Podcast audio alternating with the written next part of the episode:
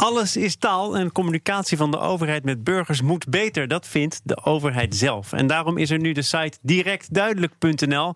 Moet een inspiratiebron zijn voor alle ambtenaren in Nederland. Voor onze taalwatcher Maria Punch was het in ieder geval een inspiratiebron. Want we gaan het erover hebben. Zeker. Jij pleit in deze studio vaak voor duidelijke taal. Is dit daarmee ook meteen een goed initiatief? Nou, ik dacht wel even, oh jongens, weer een site. Er is namelijk al het een en ander op dit gebied. Uh, een kleine greep, uh, prettig contact met de overheid het programma Merkbaar Beter. In 2016 opgericht het netwerk Begrijpelijke Overheid. Dus daar wordt gewoon al hard aan gewerkt. Maar wat ik sterk vind is dat ze nu zeggen: het is nog steeds niet goed genoeg. En dat blijkt bijvoorbeeld ook uit rapportages van de Nationale Ombudsman. Dus uh, de ambitie is: het moet gewoon nog beter. Het zijn ook sites die niet bij iedereen bovenaan staan in Google, denk ik. Nee, het kan heel goed zijn dat je, dat je er niks van hebt gehoord. Uh, deze campagne, directduidelijk.nl, die is ook echt bedoeld voor ambtenaren ah. en niet voor het publiek. Want wat willen ze met deze campagne dan voor elkaar krijgen? Nou, het is een initiatief van het uh, ministerie van Binnenlandse Zaken en hun partner Taalunie. Gericht dus op alle ambtenaren in Nederland. En uh, je moet niet alleen zeggen dat je duidelijk gaat schrijven, je moet het ook doen. Je moet eigenlijk een ambassadeur hebben in je organisatie. Uh, en ook niet dat als die weggaat, dat, dat dan het momentum ook weer weg is. Maar beter nog is je committeren aan een, soort convenant. Dat ligt er nu ook. Er zijn nu pas twintig gemeenten aangehaakt. Moet er natuurlijk veel meer worden. Convenant klinkt al wel meteen ambtelijk. Ja, hè? toch? Ja, daar is misschien best een beter woord voor. Uh, committeren ook trouwens. um, nu is het allemaal nog op basis van goodwill. Maar ervaring leert ook in het buitenland dat er bestuurlijke druk nodig is om uh, ja, die vaardigheid, om, om daar het belang van uh, te blijven zien.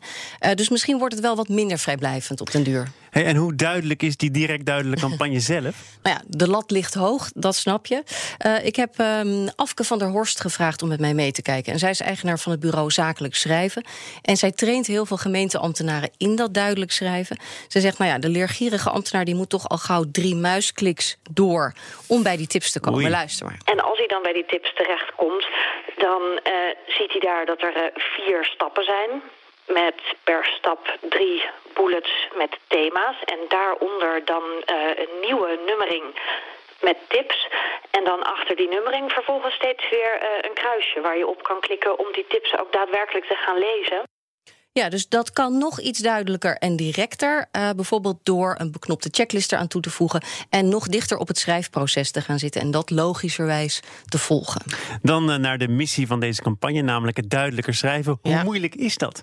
Ja, dat lijkt een contradictie. Eenvoudig schrijven is moeilijk. Hm. Bijvoorbeeld omdat veel van de ambtenaren hun taalniveau zit op C1 of C2. Dat is dan taalkundig het hoogste.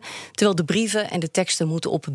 Uh, en dan zitten er vaak nog juridische dingen bij, waardoor mensen denken: ja, als ik het ga versimpelen, klopt het dan nog wel? Want ik moet iemand een aanmaning sturen. Uh, of het gaat over een wegsleepregeling.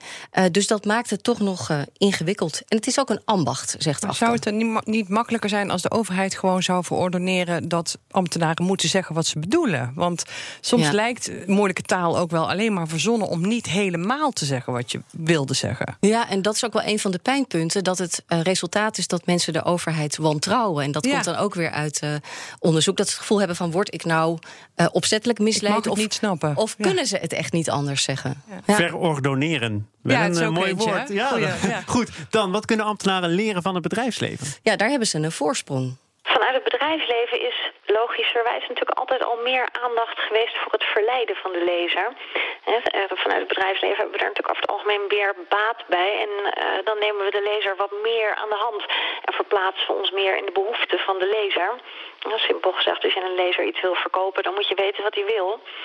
En dat zouden natuurlijk ambtenaren ook toch wat meer mogen doen. Ja, ik volg best wel veel experts op de sociale media. Die zijn gespecialiseerd in storytelling, nudging, uh, dat soort technieken. Dus ik zie ze vaak lezingen geven in Den Haag. Ja. Uh, dus ze proberen ze, ze, daar wel echt te voeden met, uh, met alles wat er te weten is over schrijven. Maar een overheidsbrief is natuurlijk geen reclamefolder. Nee, en soms is de boodschap natuurlijk ronduit vervelend. Dus ja. dan weet ik niet of je met storytelling de boel zoveel efficiënter kunt maken. Tot slot nog één gouden tip voor iedereen die zelf ook duidelijk wil schrijven. Ja, uh, zo maak je een vliegende start. Een heel belangrijke eerste stap is dat je als schrijver uh, bepaalt uiteraard wat je onderwerp is, maar ook welk doel je met dat onderwerp hebt.